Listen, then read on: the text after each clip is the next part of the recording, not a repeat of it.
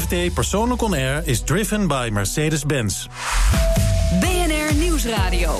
FD Persoonlijk On Air. Paul Lasseur. Welkom bij FDR, eh, persoonlijk on-air live vanuit Grand Hotel Amrad aan de Prins Hendrikade in Amsterdam. Publiek is van harte welkom om langs te komen, want we gaan naar de bioscoop. De 70 mm film van 2001, A Space Odyssey, is gerestaureerd en wordt exclusief getoond bij AI. En we hebben het over een Franse droom met een lekkere wijn als resultaat. Maar eerst... Mijn gast vandaag is naar eigen zeggen een keurig geschoolde kunsthistoricus, maar een straatvechter als het moet.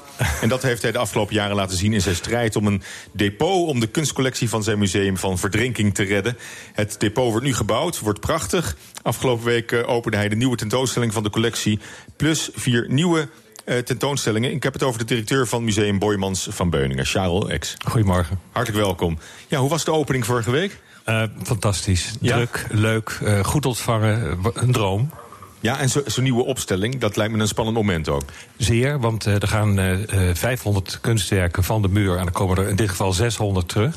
In een totaal nieuwe ordening ehm, nieuwe coating op de muur, maar vooral ook een nieuwe lamp die we samen met een kunstenaar en met Philips hebben ontwikkeld. Dus het, je ziet het echt in een nieuw licht, letterlijk en figuurlijk. En die nieuwe lamp, je bedoelt een nieuwe verlichting ook door het hele gebouw? Een, een, een zeer hoog Kelvin gehalte, waardoor je eigenlijk in het hele gebouw permanent noorderlicht hebt. Oké, okay, als, als, als, een soort daglicht. Kunstlicht wat, wat het daglicht We ondersteunen het daglicht en we zijn dus af van die gele plensen... die altijd bij ons op de muur stonden. En elders ook nog wel.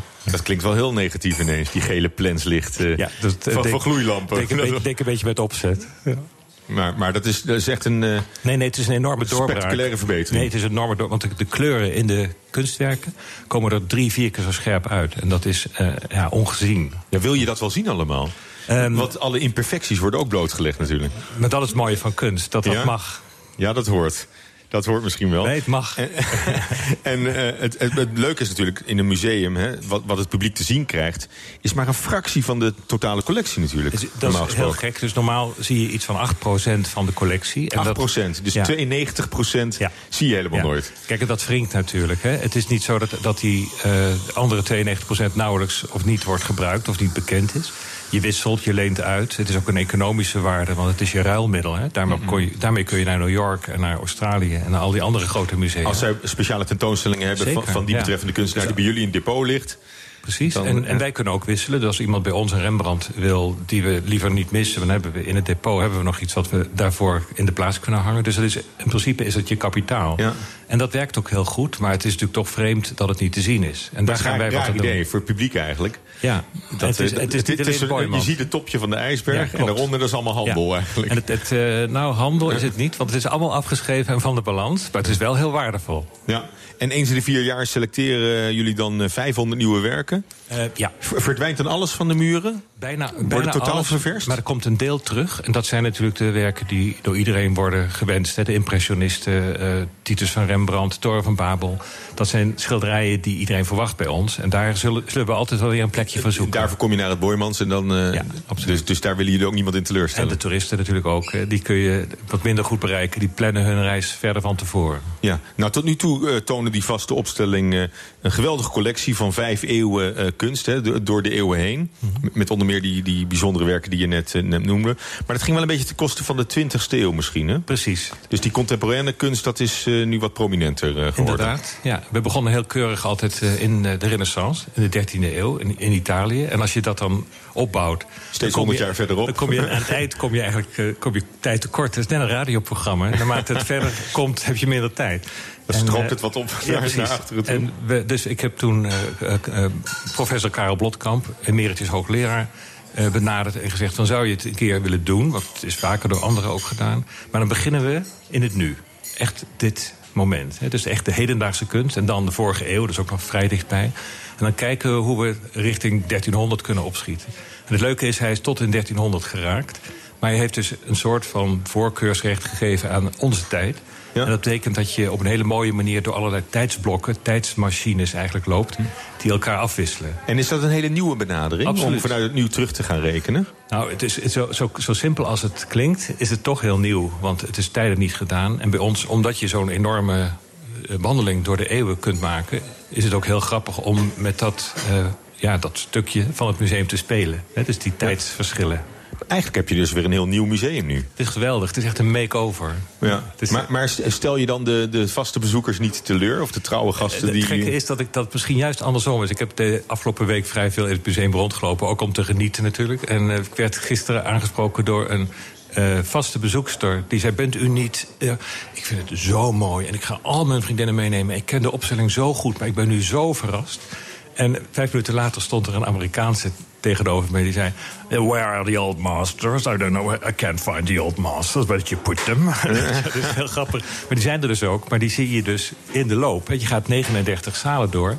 Maar ze zitten niet meer alleen in één hoek. Hè. Ze, komen, eh, ze, komen, ze doen mee als een huisje in een rij. Maar niet meer als een eigen wijk. Ja. En heb je nou nog een voorbeeld van een kunstwerk... wat je diep uit het depot hebt opgediept...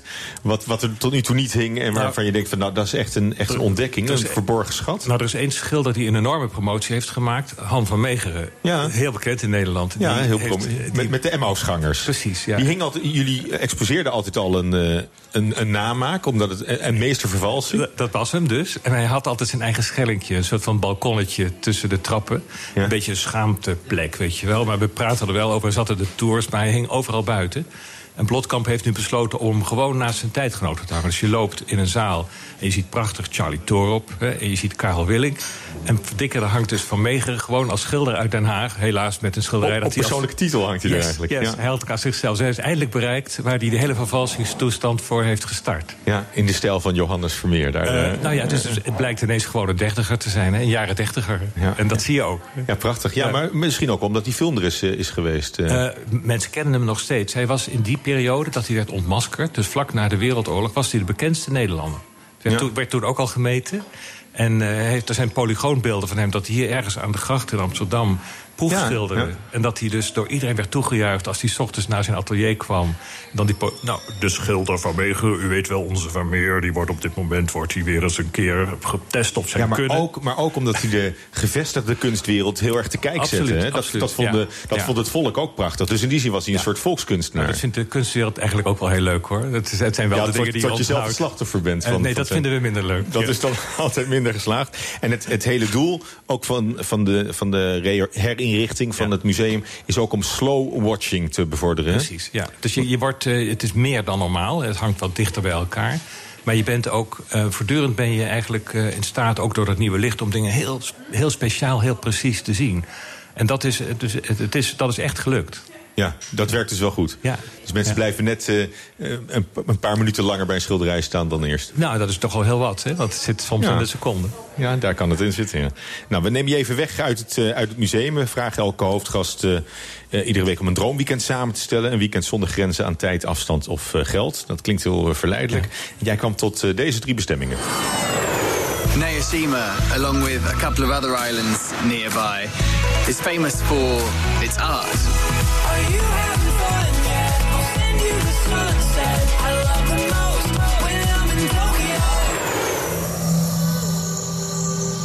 Last poses is certainly very, very rare as a piece of creation.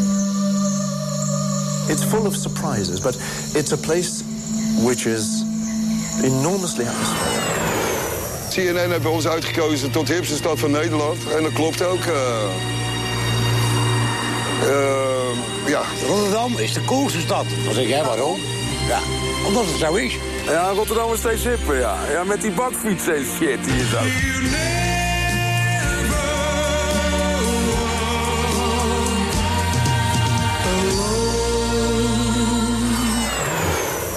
Ja, Lee Towers, ook net een, Edison, ja, net, net een Edison gekregen hè, voor zijn voor zijn werk. En Feyenoord kampioen. En Feyenoord kampioen. Het is echt een, eh, een prachtig, eh, prachtig jaar voor eh, Rotterdammers. Eh, je, werk en ontspanning lopen wel een beetje in elkaar over, heb ik zo de indruk. Het is een baan die je altijd hebt. Hè. Ook, En alles, alles is kunst, overal waar je, waar je Eh, bent. Overal gebeuren interessante dingen. En overal zijn mensen geïnteresseerd in kunst. Het is heel internationaal. Onze collectie is internationaal. Er wordt heel veel gereisd met, met delen van de verzameling. Er zitten altijd mensen van het museum in drie of vier continenten tegelijk. Dus het is, eh, we hebben nu een grote tentoonstelling in Tokio. Eh, het is een internationale baan die altijd doorgaat. Ja, ja. en eh, je, je was ook even in Tokio, hè? of bij Tokio. eh Naoshima, een eiland bij Tokio. Ben je daar ook geweest? Daar ben ik geweest. Het is een prachtig gebied. Het is een eiland gekocht door een familie, de Benesse-familie. En die heeft een tweetal eilanden. Eentje helemaal voor musea en eentje voor musea en hotels gekocht. En dat is het Benesse Hotel. Hoe kan het anders? Als je Ja. erheen wil, anderhalf jaar van tevoren reserveren. En dat is gelukt. Eh, nou, ik geloof dat wij nog ergens een gaatje hadden. We hebben een, dagje gewacht en toen mochten we nog even ertussen. Maar het is echt een fantastische plek. Met, eh, het ligt niet zozeer onder Tokio. Het ligt wel in Dubai. Maar het ligt vlak onder Osaka. En dan kun je Oh, een bootje nemen. Een mooie tocht, een soort van waddeneilandentocht. Maar dan heel erg Japans. En daar zou je wel naar, naar terug willen ook. Oh ja, Dat is, eh, ja. en een uniek park in Mexico met een mooi verhaal. Las Posas, hè? Las Posas, ja. ja. Ehm, het is negen uur rijden boven Mexico City. En het is het levenswerk van Edward James. En Edward James is een heel grote bekende verzamelaar van het surrealisme. Een man die ook eh, Mhm. voor Picasso de ballet eh Rus eh, decors betaalde. En die met Dali een afspraak had om tien schilderijen aan hem te leveren. En die dus ook die lippensofa heeft gemaakt. Ja. Met hem. En die mooie kreefttelefoon. Hij was puissant rijk. Zijn vader deed in spoorwegen en mijnen. En op een bepaald moment eh, had hij een beetje genoeg van het Londens en van de feesten in zijn eigen kasteel. Mhm. Is hij gaan reizen met zijn papegaaien, zijn honden, zijn leeuw, zijn vriendinnen en zijn vrienden niet te vergeten. Een hele hofhouding mee op Een reis. karavaan, hele, hele vloeren van, bijna een popster. Hele En, vloeren en van, in Mexico terechtgekomen? in Mexico, bij Monterrey, was hij op een gegeven moment in een dal. En dat was een koffieplantage en het was een mooi subtropisch klimaat. En hij werd helemaal verliefd op het gebied. 43 hectare heeft hij die dag nog eh, verworven. En daar is hij 30 jaar lang in het geniep... is hij architectuur gaan bouwen... die hij op zijn wereldreizen op een bloknootje even zo verzamelde. Dus van Toledo tot eh, een, een gebouw dat hij zag van Gaudí... of een element uit de gotische bouwkunst in Engeland. Dat stuurde hij op naar Gilitla, het dorpje bij Las Posas. Dat hele dorp met 150 tot 200 man en een aannemer... die bouwden voor hem in die grote tuin... waar hij ook planten bij liet zetten en vogels en dahlia's... ja. een soort van gezamtkunstwerk. Nou, dat- staat er nog. Dat moet er waanzinnig uitzien. Dus, dus dat is een, een, ook een aanrader, denk ik, eh, voor luisteraars. Die, Ik had er nog nooit eh, van gehoord, maar het lijkt me een hele bijzondere eh, bestemming. En dan Rotterdam, hè? Ja. Ben, je bent geen Rotterdammer. Ik ben Limburger. Ja. En ik heb veel door het hele land gereisd. Mijn vader die, die was op een gegeven moment klaar in Limburg... omdat de mijnen dicht gingen. Dus we hebben in Amsterdam gewoond. Utrecht heb ik gestudeerd. Maar in. Rotterdam ben je thuisgekomen? Ik, ik, ben, ik woon nu 12 jaar in Rotterdam. En eh, ik ken het verschil tussen catalogus en een catalogus inmiddels. En eh, nee, ik ben daar thuisgekomen. Ja. En liefde op het eerste gezicht ook met Rotterdam? Of heb je wel moeten... Het is de eerste, het is de meest internationale stad van Nederland. En eh, ehm, je wordt er. eh, eh, ik weet nog dat ik door het team van Utrecht. Ik werkte eerst in Utrecht in het Centraal Museum. Ben ik op een gegeven moment verrast op een bepaalde dag. Dat was mijn laatste week. Zei Charles meekomen. Toen zijn we in twee bussen, iedereen, hè, de vrijwilligers, dan zijn we naar Rotterdam gereden. We reden naar Rotterdam. En eh, ik had helemaal niet door wat er gebeurde, maar werd steeds eh, bevreesder wat de bedoeling was. En toen kwamen we op een gegeven moment kwamen we aan in Rotterdam. Toen reden we zo de boompjes op. Je je Ja. kijkt over de Maas. Je, ziet, je ziet zo hè, eh, Wilhelmina Pier met die gebouwen. En iedereen was muisstil en kreeg dus rillingen. Zo, we kwamen dus uit die hele gezellige Agnietenstraat in Utrecht... met al die kloosters uit de 13e eeuw die je nog voelt en proeft. En in één keer stonden we daar in die bonkende stad. Nou, het was wel een momentje, hoor. Toen Ja. dacht ik, nou, misschien toch niet zo gek. En, en dat, is ook, dat is ook de stad voor het Boymans van Beuningen. Dat, Absoluut. dat is echt nee, een... het, eh, het Boymans is totaal verknocht aan die stad en andersom. En ook door die stad gesticht. Hè. Alle mensen hebben gegeven, noem maar op. Ja, zometeen praat ik verder met Charles X van Museum Boymans van Beuningen. En met de programmeur van AI gaan we het, praten, eh, gaan we het hebben over hun nieuwste 70 mm aanwinst. BNR Nieuwsradio. FD Persoonlijk On Air. Mijn gast vandaag is Charles X, directeur van Museum Boymans. En Cuno is aangeschoven. Elke week vertelt een deskundige wat het oog streelt, het hart raakt... of de smaakpapillen prikkelt.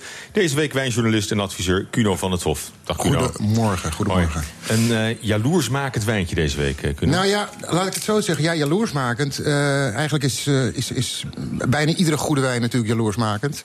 Ehm, maar ik heb vandaag iets meegenomen wat eh, eh, eigenlijk een beetje de zomer moet, eh, moet aankondigen. Ja, het is- hij, het hij is weer een beetje vertrokken de zomer. Eh, Nou, wacht maar. Maar hij komt zo terug. Eerste glas eh, opdrinken en is Als hij je weer terug. drinkt, dan wordt, hij Ja, dan wordt het vanzelf weer zomer. Maar wat is het? Eh, we, we drinken vandaag een, een, een, een wijn uit de Bordeaux. Uit een, zelfs uit een deelgebied van de Bordeaux, uit de Côte de Boer. Dat zijn zeg maar, ja, een beetje de, de zijkanten van, van de Bordeaux. En we drinken een, een witte wijn. Je weet dat, of misschien weet je het niet... dat Bordeaux wordt gedomineerd door rode wijn. Cabernet Mhm. Sauvignon, Merlot, Petit Verdot en Cabernet Franc. Dat soort eh, druiven. Maar in het midden van, van de Bordeaux eh, maken ze ook heel veel wit. Eh, dit is een wijn gemaakt van eh eh, Semillon en Sauvignon eh, druiven. Sauvignon Blanc, Sauvignon Gris. En eh, er zit weer een leuk verhaal achter, uiteraard. Want Want, anders- want wie maakt deze wijn? ja, precies. Dat is het verhaal. Mhm. Eh, deze wijn wordt gemaakt door een Nederlander. Eh, en die kennen we allemaal heel goed. In buitenlandse dienst. In buitenlandse dienst, ja. la- Laat ik het zo zeggen. eh, hij wordt gemaakt door eh eh, ene Jodokus Boomsma. Prachtige naam. Prachtige naam, vooral die achternaam. uit- ja, uit de dranken, hè? Precies. De Berenburger. De Berenburger, dat is hem. Het is een, eh, een, eh, een nuchtere Fries die eh, na zijn pensioen... nou, niet het land heeft verlaten, maar hij is naar Frankrijk gegaan... om zijn twee liefdes achterna te gaan. Namelijk zijn vrouw, die is Française, en de wijn. Hij heeft jarenlang heeft hij, eh, heeft hij die, eh, die likeuren en die berenburgers en jenevers... En, en inmiddels zelfs een, eh, een, een zeer... Generaties lang. hè? Ik denk, hij is ja, al vierde, vijfde generatie Ja, zijn ja. geweest zo met die, met die Berenburg. Ja, klopt. 130 jaar of zoiets zijn ze bezig. Eh altijd die, die, die, die versterkte dranken gemaakt. En nu de wijn in, in Frankrijk. En wat ik het aardige vind, het is Chateau Beaulieu. Zoals, Is, is hij wel subtiel genoeg? De wijn? Nee, die Jodokus. Om, om, om, Jodokus. om, om wijnen te maken. Als je uit, Nou ja, uit, uit die Berenburghoek komt. Laat ik het zo zeggen, eh, proef het en je, en je weet het. Ja, ja, nou, Ehm, ja, ik neem een slokje. Het is een echt, echt een zomerwijn. Het is echt een, een, een wijn die, eh, die, die, die, die- Daarmee mag je de, de, de zomer vieren. En ik zal je eerlijk zeggen, er mag ook wat gevierd worden. En dat Ja. merk je met name in de, in de wijnwereld. Ehm, Eh, Charles, hoe, hoe vind jij hem? Ik vind hem heerlijk. Fris. Echt iets voor nu. Ja, je vrouw Lisa proeft ook mee. Ja, ik- ze- straalt. ja, is lekker. Ze zijn erg tevreden. Een Witte, witte Bordeaux. Een witte Bordeaux. Ja. En, en wat ik net zei, ik zeg, er mag weer gevierd worden. En dat merk je met name in de wijnwereld eh, heel erg. Ehm, om je een heel klein idee, een heel klein voorbeeldje te geven. Ik, ik moet vanavond voor een, eh, een bevriende, zeer welvarende ondernemer... een eh, klein dineetje organiseren voor negen vrienden. Nou, je wil niet weten wat daar op tafel gaat komen. En dat had ik twee jaar geleden niet durven hopen. Toen was het allemaal kommer en kwel en eh, bleven we allemaal hangen in die... Dus in de, de zon schijnt weer ook De over, de, ja. over de, firma, Ja. de firma van het Hof. Ja, nou, dat weet ik niet. Maar ehm, ehm, je merkt het gewoon heel erg eh, in, in dit soort dingen. Mensen eh, gaan de zomer vieren, gaan de welvaart vieren. En ehm, daar hoort zo'n glaasje Ja. Beaulieu bij. Ja, en mensen houden ook, ook van het verhaal natuurlijk. Hè? Ook zo'n ja. zo'n Berenburger-boer die Ja. in, eh, in, Ja. in Frankrijk aan, aan de slag gaat. Wat, do- doet hij die Berenburger er nog bij? Want die is, Zeker. eh, Nou ja, eh, hij of, heeft het of, zijn, zijn kinderen misschien? Ja, zijn kinderen. Hij heeft het overgedaan aan zijn, zijn dochter Saskia en zijn zoon Chantoine. Ja, die naam, dan denk je, is het een meisje, maar het is een jongen echt. En die hebben het bedrijf eigenlijk een hele nieuwe impuls gegeven. En dat, nou, je- dat herken je bijvoorbeeld aan het feit dat ze nu ook een, een gin maken. Nou, dat had je een paar jaar geleden ook niet durven denken bij Boomsma, een gin. Meedoen met de trend. Ah, dat gaat als een speer daar, jongen. Dat is echt niet normaal. Gewoon in Leeuwarden. Ja, ja, dat, dat, dat, zal dan. Ja, dat, dat komt dus ook. nou ja, goed. En, en de Leeuwarders die gaan anders wel zelf dus naar, naar Frankrijk, naar de Ja, Bordeaux, om deze precies. wijn eh, te maken. Ehm, di- dit is dan niet zo'n dure wijn, hè? Die komt ook niet op tafel bij jou, eh Nee, die bij, bij jouw superdineetje. nee, die komt vanavond niet op tafel. Nee, nee, nee. Ehm, hoewel, hij had er wel gepast trouwens, hoor. Ja? Ja, en, en misschien een andere cuvée van, eh, van Beaulieu. Want ze, ze verkopen ook nog een aantal hogere kwaliteiten dan dit. Maar dit kost volgens mij iets, iets, iets 8, 9 euro of zoiets. Voor, voor een fles van deze die we nu, een hele die we nu fles. Ja, ja, proberen. ja, ja, zeker. Ja. En eh, zijn er nog meer eh, Nederlandse wijnmakers die een Ah, beetje ja. Aan, aan de weg timmeren Ja, in, in het bedoel, buitenland? het bekendste voorbeeld is natuurlijk eh Ilja Gort, de man met het snorretje en de baret. Die eh, nou, wel zes nullen aan flessen verkoopt zeg maar, bij Albert Heijn. Eh, wie hebben we nog? Wat de, auto, de autodealer, die Ja. heeft volgens mij in, Ja, in, ja, ja, in, ja. in de Verenigde Staten... eh, Verenigde Staten en, en Argentinië zitten ze. Wie hebben we nog meer? We hebben een, eh, een hele grote recycler eh, eh, hier in Nederland... die in de Provence een hele mooie rosé maakt, Lamorique. Ja. Ja, zo zijn er... Maar wat opvalt, is dan hebben we dus in het ene geval is het een, een, een distilleerder uit Ja. Leeuwarden Ja. die, die pensioneert en dan Ja. wijn gaat maken. We hebben een autodealer of een, een Ja. telg uit, dat, uit die familie die dat ook. Het lijkt een beetje een hobby van, van gepensioneerde rijken. Ja, een soort speeltje. Zo, dat lijkt het, maar dat is het niet. Want dit zijn wel mensen die er hele serieuze business van maken. Alleen wat je dus ziet, is dat mensen... je, je bent ook wel eens met, eh, met Sting op pad geweest. Ja. Die ze, Ja. Dus het is ook iets voor celebrities die, Ja. eh, die een wijnhuis beginnen. Nou ja, kijk, het is, het is natuurlijk een heel erg tot, verbeelding, tot verbeelding sprekend product. Ik bedoel, je bent je leven lang ben je bezig geweest met, eh, met je business. Maar je dronk heel veel wijn. Nou, wat is er mooier... Professioneel drinken. Professioneel drinken, ja. Ehm, wat is er mooier dan eh, na je pensionering gewoon die droom achterna te gaan... en, en die, die businesskennis zeg maar, die je hebt opgedaan... eh, in te gaan zetten bij een, eh, bij een product als wijn. Ja, en werkt dat nou voor veel mensen? Wat bedoel je, werken? Nou ja, je hoort nooit de verhalen van mensen die met hangende pootjes terugkomen Oh. en zeggen: het, het, het werd niks. eh, Of Heb ik je- heb, eh, je even? druivenrot of, eh, Oh, nee, ja, of, hoor. of, of, Ik, eh, eh, ik ken heel veel pesticiden mislukkingen. En, eh, Nee, ja? heel veel mislukkingen ken ik. Waarschijnlijk meer dan eh, succes. Ja, tuurlijk. tuurlijk. Je hoort hier alleen de succesverhalen. Oké, maar en eh, als we dus een beetje Frankrijk in huis willen halen in Nederland. Gaan we Chateau Beaulieu halen. Eh, Chateau Beaulieu, Beaulieu, ehm, Grand Vin de Bordeaux. ja. De hooggeschouderde fles. Ja, ja, heel mooi. En een schroefdop, zoals het hoort. Zoals het hoort, de schroeft op erop. Was het misschien leuk. eh, Nou ja, hij is, hij is dus volgens mij 8, 9 euro. En ik, ik zat even te kijken, want ik vind het altijd heel erg vervelend om een, een wijn te noemen. eh, en dan niet te zeggen waar die te krijgen is. Ja? Hij is. Deze is heel breed verkrijgbaar. En ik, ik kwam hem toevallig van de week ook nog tegen bij, eh, in Amsterdam. Dan uiteraard bij eh, Ton Overmars. Volgens mij de grootste slijder van Nederland. Nou, daar is hij dus ook eh, te krijgen. De Ja. Chateau Beaulieu van, eh, van Boomsma. De boomsmaatjes. Dankjewel, Welle Cuno. En wij gaan even eh, van onze wijn genieten. En dan gaan we intussen luisteren wat er in de kast van Dolf Jansen te vinden is. Want toon mij uw kast en ik zeg wie u bent. Onder dat adagium ging Nico Krant deze week op bezoek bij de cabaretier en presentator. Dolf Jansen in zijn eigen habitat. Jazeker. Ik nam graag een kijkje in jouw kast. Mijn kast. De kasten bevinden zich daar. Dan hebben we het over boeken en dan hebben we het over cd's. Nou, dan hebben we één en twee. Hier is een dobbelsteen. Hebben we nog vier kasten nodig. We staan in de keuken. Ja. Een ijskast heb je ook vast. Ik heb ook een ijskast. Oké, drie. Ik heb natuurlijk een kast waar mijn, mijn hardloopspullen zich in bevinden. Kledingkast. Kle- Een soort van kledingkast. Dat, dat, dat, zou, dat zou vier kunnen zijn. Heb je ook een spannende kast? Eentje die ik nog nooit heb gehad. Eh, wat ja, spannende. Brandkast, medicijnkast. Brandkast niet, medicijnkast niet. Nee, de- nee, eh, nee, nee zo- zo, niet. Ik kijk nog even. Nee, nee, nee, nee. Dan zeggen we vier en vijf is de joker. Mag je zelf kiezen. Heel goed. Roll the dice. Roll the dice. ik begrijp het. Vijf. De joker. Ja, we, we, we, we hebben het over, we, hebben- we hebben het over, over waar ik mijn inspiratie van haal of waar, waar, of waar mijn... Het idee is dat alles aanleiding kan zijn voor een goed gesprek. Nou, dan breng ik je hier naartoe.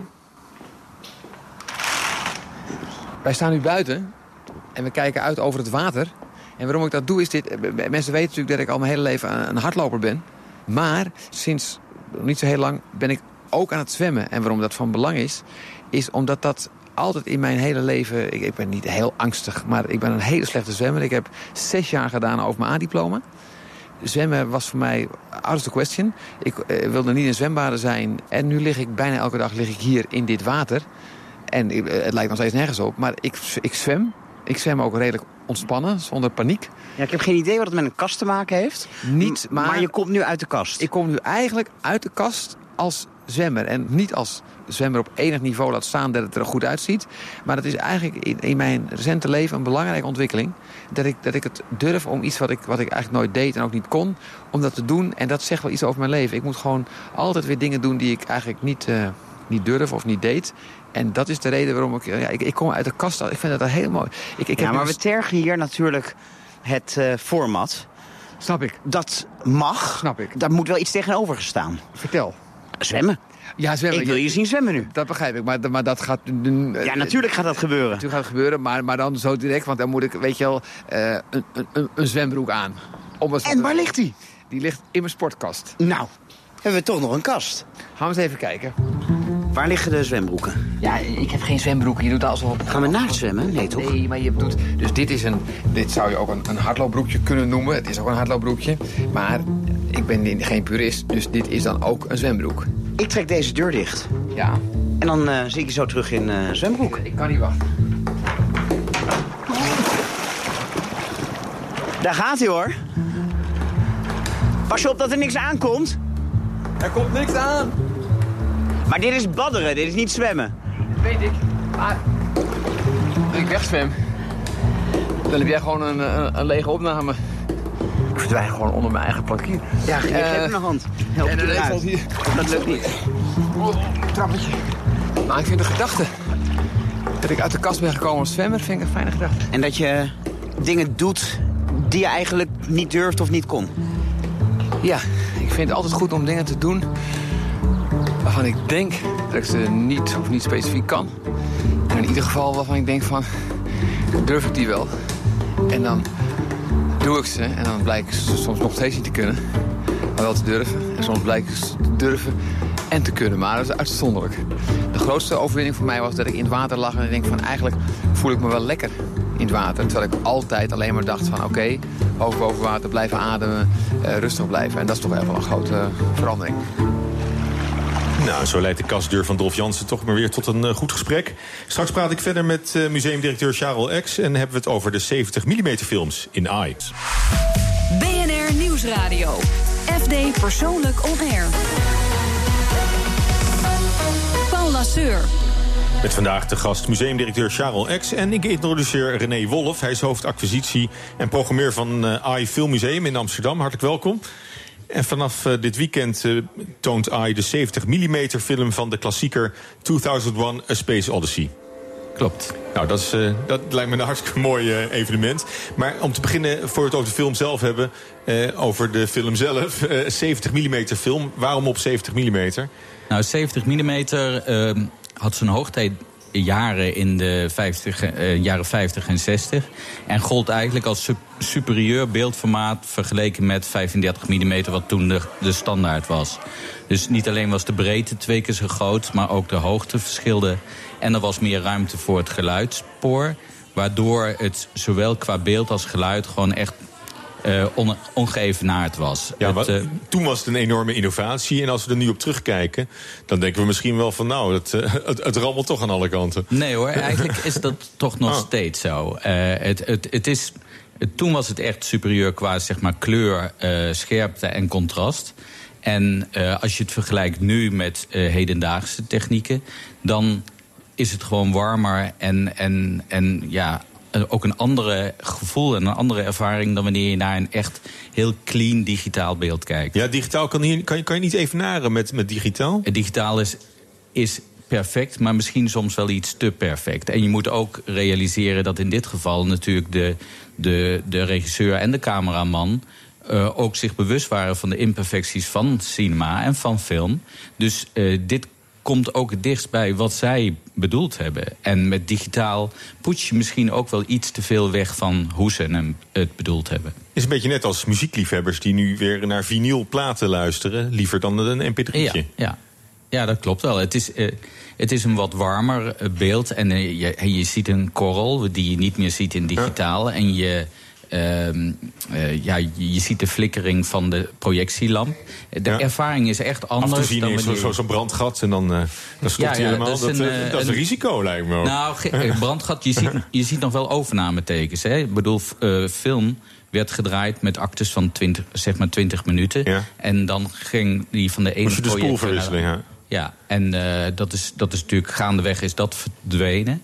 Maar brandgat, dat ontstaat eigenlijk alleen als een film vastloopt in de projector. En dat komt echt zelden voor. Oké, ja, want dan gaat, dan gaat je mooie film eraan natuurlijk. Maar is, is, is het kostbaar nou ja, of het, niet? Het, het rare is eigenlijk, mensen denken dan dat de film eraan gaat... maar hij loopt juist, juist vast. En dat betekent dat hij blokkeert op één beeldje. En feitelijk verlies je hem niet meer dan één beeldje. En dat is één 24ste van een seconde. Dus dat, Dat zul zie je, echt niet zien als hij eh, hersteld is. Maar, en het is toch die kleine imperfectie die het zo... Eh, Heb jij daar gevoel voor, Charles? Voor dat gevoel voor, voor nostalgie of, of juist die imperfectie?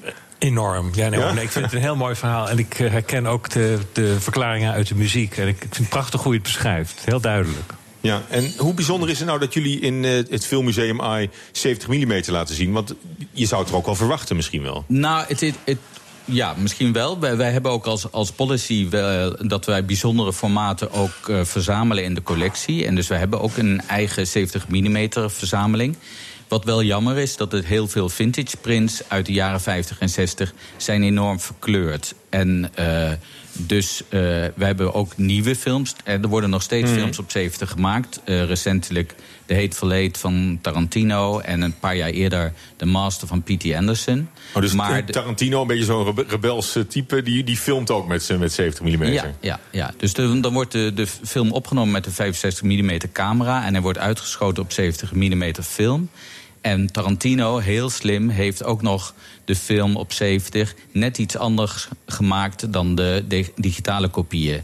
Dus er zat iets meer, een paar minuten meer in. Dus zat, de, lie- de liefhebbers krijgen echt waar voor hun Ja, geld als, ja. ze, als ze naar de, de Ja. originele 70 mm versie kijken. Maar het is dus wel bijzonder dat er van een oude film nieuwe prints gemaakt worden. En eh, toen wij eh vorig Kan, jaar. kan je ze ook restaureren als ze verbleekt zijn of verkleurd of niet?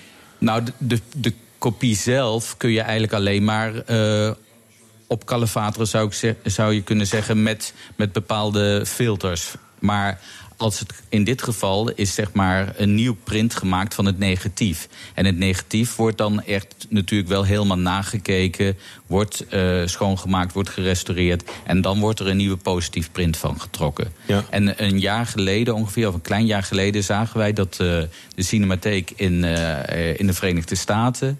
een overeenkomst had gesloten met Warner om een nieuwe print van 2001 eh, eh, te la- laten maken. En toen zijn wij ook daar achteraan gegaan om te kijken of dat ook mogelijk was voor AI. Ja, en is dat, eh, is dat heel kostbaar? Ja, je moet. eh, jullie hebben wel de randapparatuur, denk ik, allemaal in, in huis eh, om, dit te ja, dus- om dit te kunnen vertonen. Nou, voor Tarantino moesten we de randapparatuur echt nog heel erg aanpassen. Want die had niet alleen 70 mm, maar die had ook gedraaid op een Ultra Panavision eh, systeem. Waarbij het beeld zo breed is, veel breder dan gangbaar is. Zelfs CinemaScope is zeg maar 1 staat tot 2,35.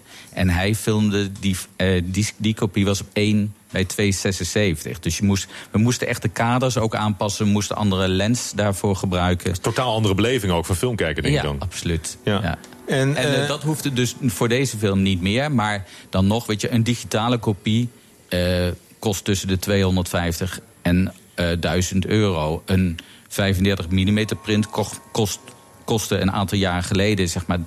1000, 1500 eh, euro. Maar kost nu iets tussen de 3 en 5000, omdat het zo weinig nog maar van gemaakt worden. Maar, is- bij is- is voor- 70 is ga voor je al gauw naar eh, 20.000 euro. Zo. Of 20.000 dollar. Ja. En is er voor jullie eh, wel genoeg materiaal te, te verkrijgen? Want, want straks eh, zijn jullie klaar met deze vertoning.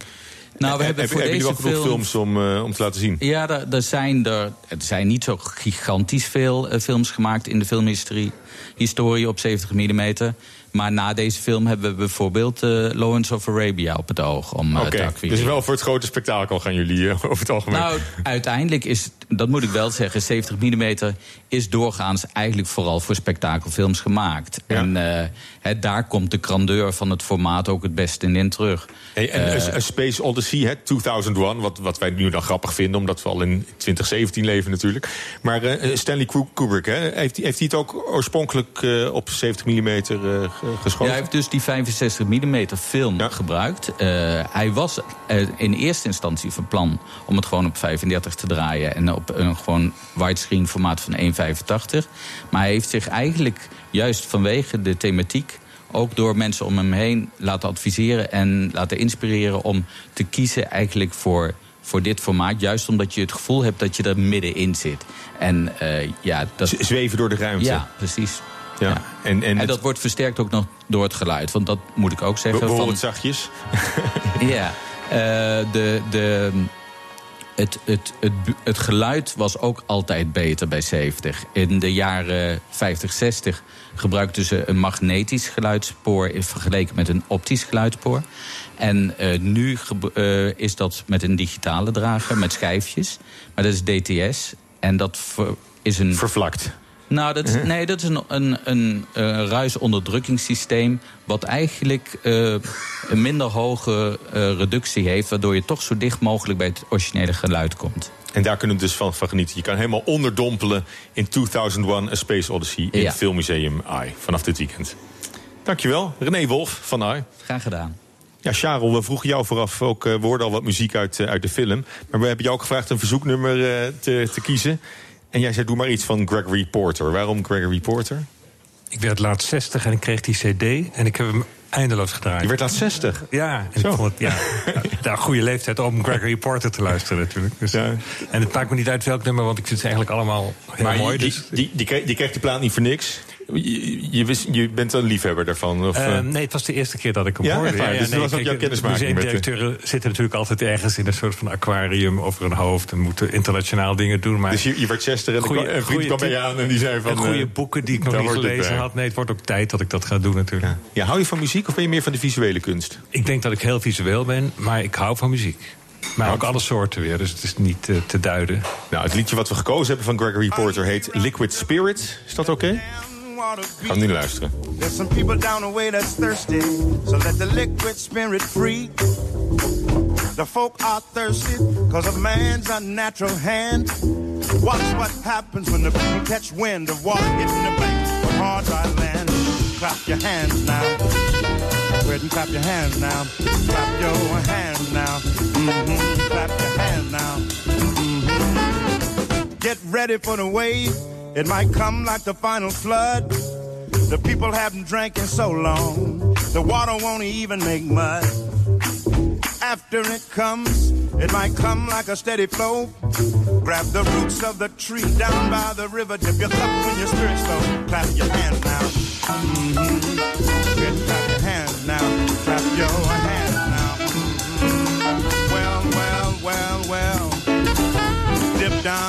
take a drink, and fill your water tank. Dip down, take a drink, and fill your water tank. Ah, unreroute the river, let the damned water be. There's some people down the way that's thirsty, so let the liquid spirit free. The folk are thirsty because of man's unnatural hand. Watch what happens when the people catch wind of water hitting the banks of hard, dry land. Clap your hands now, your hands now, clap your hands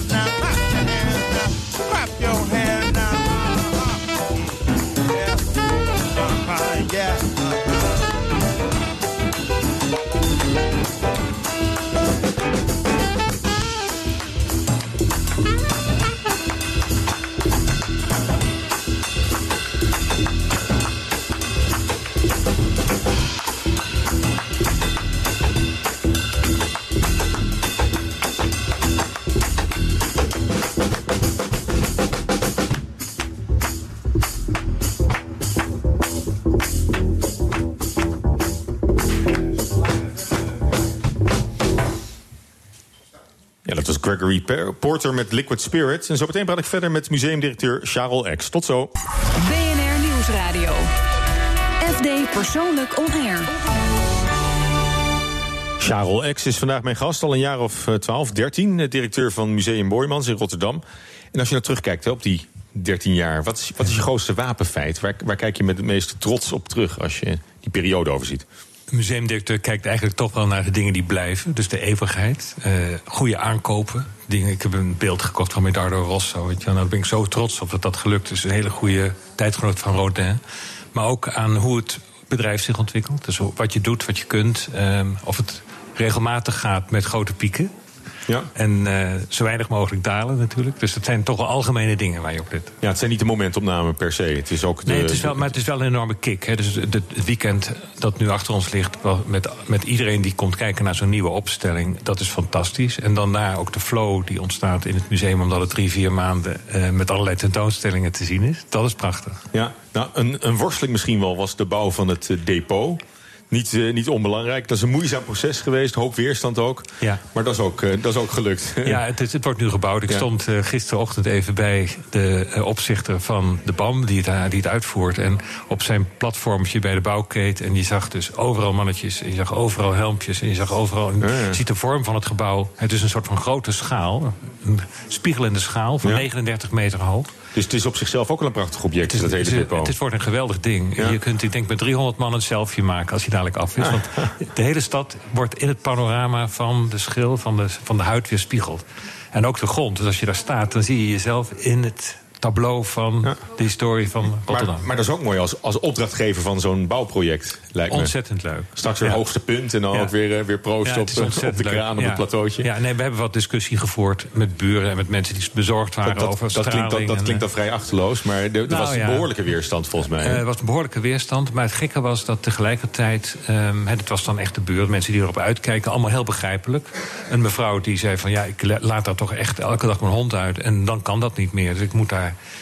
tegenstemmen, meneer. Eh, dat, dat vond ik trouwens een heel authentiek en ook grappig eh, argument. Maar, maar ook aluhoedjes die bang zijn voor verstraling die dat eh, ding gaat, Eh, eh, gaat nou ja, mensen zeggen het kan toch ook weer kaatsen. Dus dan word ik verblind of ik krijg een gekke... eh, Het is een soort satellietschotel eh, Ja, het is... eh, in, in zilver uitgevoerd. Wi- Winnie Maas en ik komen uit hetzelfde bouwjaar. En we hebben het altijd over de Thunderbirds. Dat ik weet dus nog verder dan die mooie film waar we het net over hadden.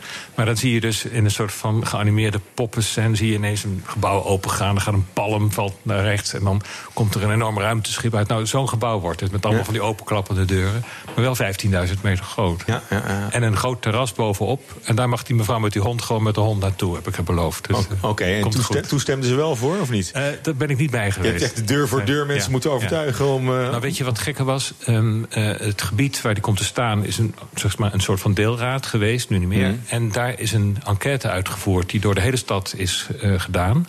Dus ondanks die behoorlijke strijd, ook wel in achterkamertjes en in de kerken in de buurt. eh, die werd overvleugeld door een stedelijke uitslag. Waarin 70% van de Rotterdammers op straat bij de eerste vraag meteen zei: gaan we doen. Als, als het maar niet in mijn achtertuin is. Eh, voortuin. voortuin dan. En eh, wie betaalt het uiteindelijk, zo'n zo'n project? Eh, Want dat is, lijkt me ook een heel kostbaar eh Voor een groot deel betalen we het zelf uit de exploitatie. Ehm, er is een zeer genereuze grote gift gekomen van Stichting De Verre Bergen van maar liefst 20 miljoen.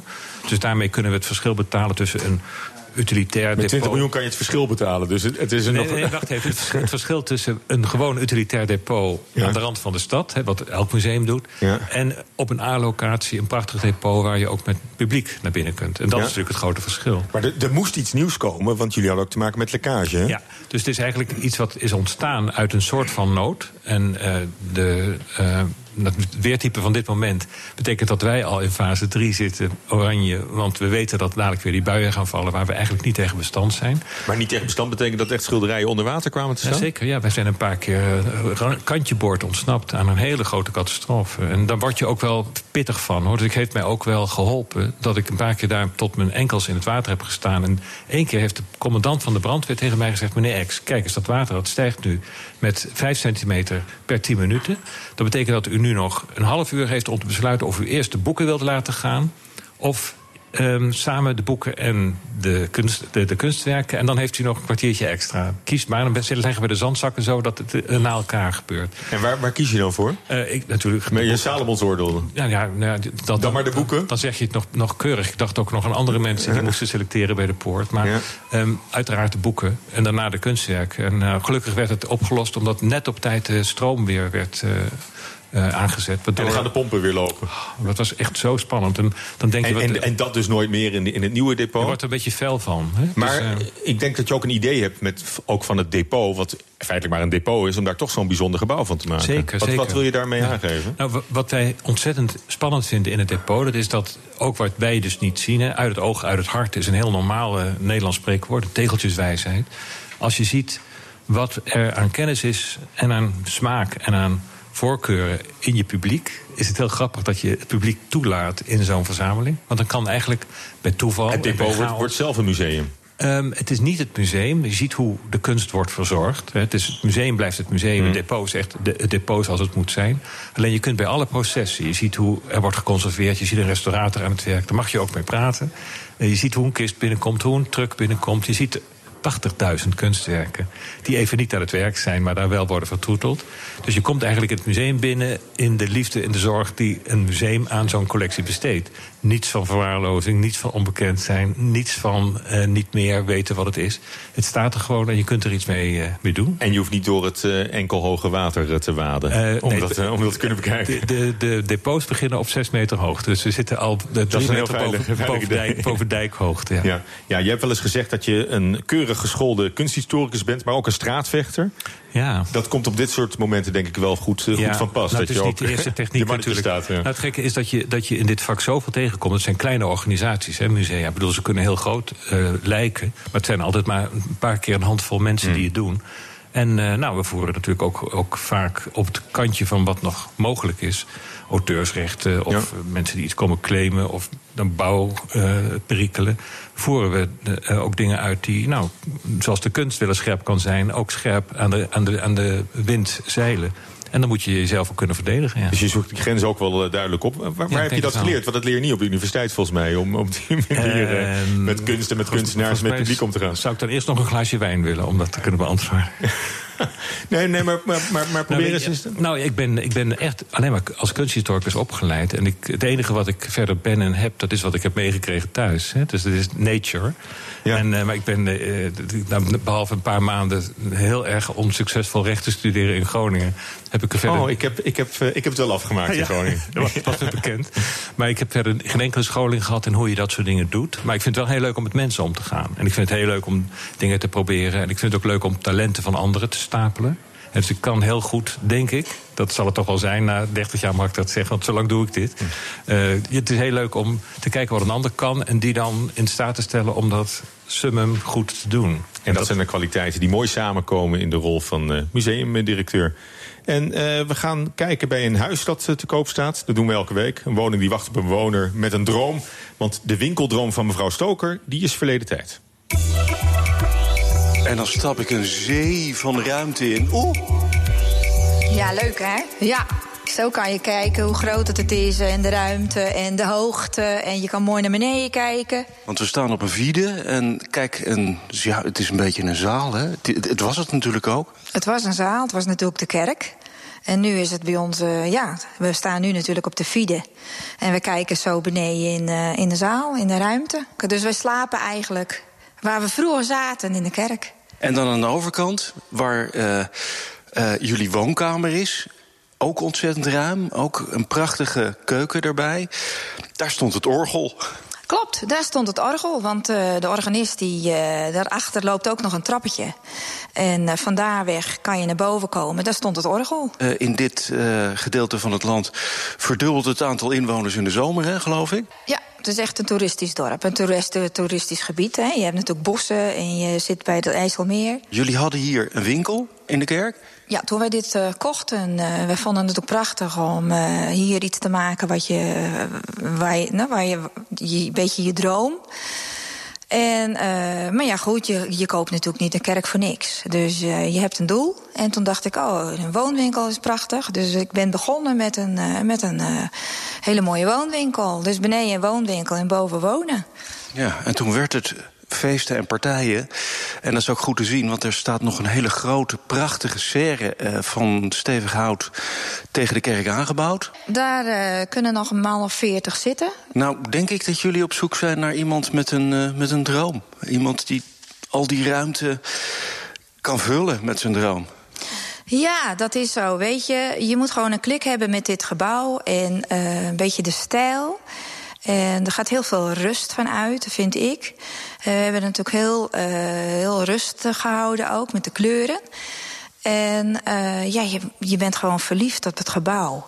Je gaat er niet alleen in wonen. Je kan natuurlijk van alles in doen. Er zit natuurlijk een horeca-bestemming op. En dus je kan een restaurant beginnen. Je kan misschien een leuke galerij beginnen. Dat je zegt van, goh, nou, ik heb mooie schilderijen. Je kan iets beginnen met, met muziek. Want ja, je hoort het wel. Er zit natuurlijk een super akoestiek in. Dus eigenlijk kan je, ja, je kan natuurlijk heel breed... kan je erover denken wat je erin wil doen. En je kunt, nog, uh, je kunt er nog in wonen ook. En het is heerlijk toe hierboven. Ja, het is lekker ruim en licht. Hele grote hoge ramen, dat heb je wel gezien. Dus uh, nee, heerlijk. Wat gaat het pand nou kosten? Het pand dat zit op 5,89.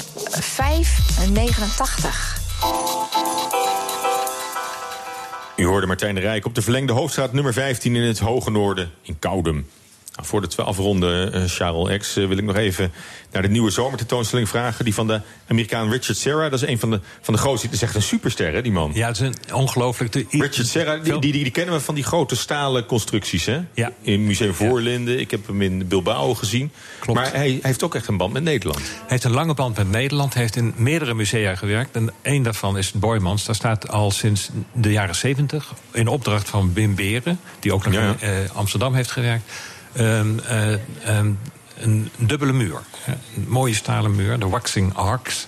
En die, Dan eh, kan je ook tussendoor lopen tussen die twee ja, wanden. precies. En het ding is heel dreigend en heel groot en heel indrukwekkend. En het gekke is, het hele die museum zijn 8 of eromheen- 10 meter hoog of zo? Of die, Eh, nou, dat lijkt hij wel. Hij is denk ik nu 4,50 meter. Hij is wat opgehoogd na een keer een ingreep maar, van... maar het zijn echt hele grote stalen, stalen dingen. je kunt, een Richard Serra is goed als je eronder kunt verongelukken. Zeg maar. Die dingen die staan eigenlijk altijd een beetje wankel. En die zoeken een raar evenwicht. Maar hij is, hij is nu oud, maar het was echt, echt, echt ook een man van, echt van de grote gebaren, zeg maar. Hè? Veel mensen die horen dat hij dus een week bij ons heeft gewerkt... in de zalen, goed begeleid, die denken... eh, leeft die man nog? Weet je wel? Ze denken al dat hij, hij is eigenlijk een levende legende. Ja, en wat hebben jullie nu van hem in deze Nou, tentoonstelling? hij heeft dus, eh, eh, en dat is heel bijzonder, hij heeft twee jaar lang heeft hij gewerkt aan tekeningen. En dat zijn tekeningen soms zo, weer zo groot als ja, eh, Barnett Newman's Who's Afraid Of. Dus drie bij zes meter. Mhm. Maar er zijn er ook bij, dat zijn de Rotterdam-series. De Rotterdam Horizontals en Verticals. Die hij speciaal op het Boymans heeft gemaakt en voor ons heeft vervaardigd. Ja. En En eigenlijk- het, zijn- het zijn niet tekeningen van later te realiseren kunstwerken. Nee, nee, nee. Eigenlijk zijn het, je zou kunnen zeggen, bijna bodyprints. Want hij heeft al, de man, het is een man van superveel energie. Het is een man van staal. Een man van staal, ook absoluut. Ja, goeie. En wat hij dus heeft gedaan, is dat hij die tekeningen, grote Japanse vellen, eigenlijk met bijlen, met, met stenen, met zijn lijf, aan alle kanten gewoon heeft Verwerkt. vermorseld, Ja. en er energie aan heeft gegeven. Ja. En het is hoe hij het precies heeft gedaan, weten we niet. Maar je ziet eigenlijk de achterkant van de tekeningen. Dus heeft, heeft, zo heeft hij erop gewerkt. Heeft verf verspreid. En elke keer als hij een print of een slag heeft gemaakt... dan zie je dus iets terug van zijn woede en zijn kracht in de tekening. Richard Serra. Dat is een, eh, ja, ook, echt superster. Hij komt met zijn, met zijn privéjet komt hij, komt hij Zijn aanvliegen. eigen piloot. En hij liet ook in het midden hoe lang hij zou blijven. Dus eh, zijn piloot zat gewoon stand-by... en kreeg na zes dagen ineens een telefoontje van... we gaan. En een uur later was hij weg. Ja, en zo krijg je dan toch eh, Richard Serra zelf in huis. In eh, Museum Boymans. Goede weekendtip, denk ik, voor de luisteraars. Leuk dat je mijn gast was, eh, Charles X van Museum Boymans. Dank je voor de uitnodiging, Paul. Ja, dit was FD Persoonlijk On Air vanuit Grand Hotel Amrad in Amsterdam. U kunt items terugluisteren via de podcast op bnr.nl en de bekende kanalen. Tot volgende week. Fijn weekend. FD Persoonlijk On Air is driven by Mercedes-Benz.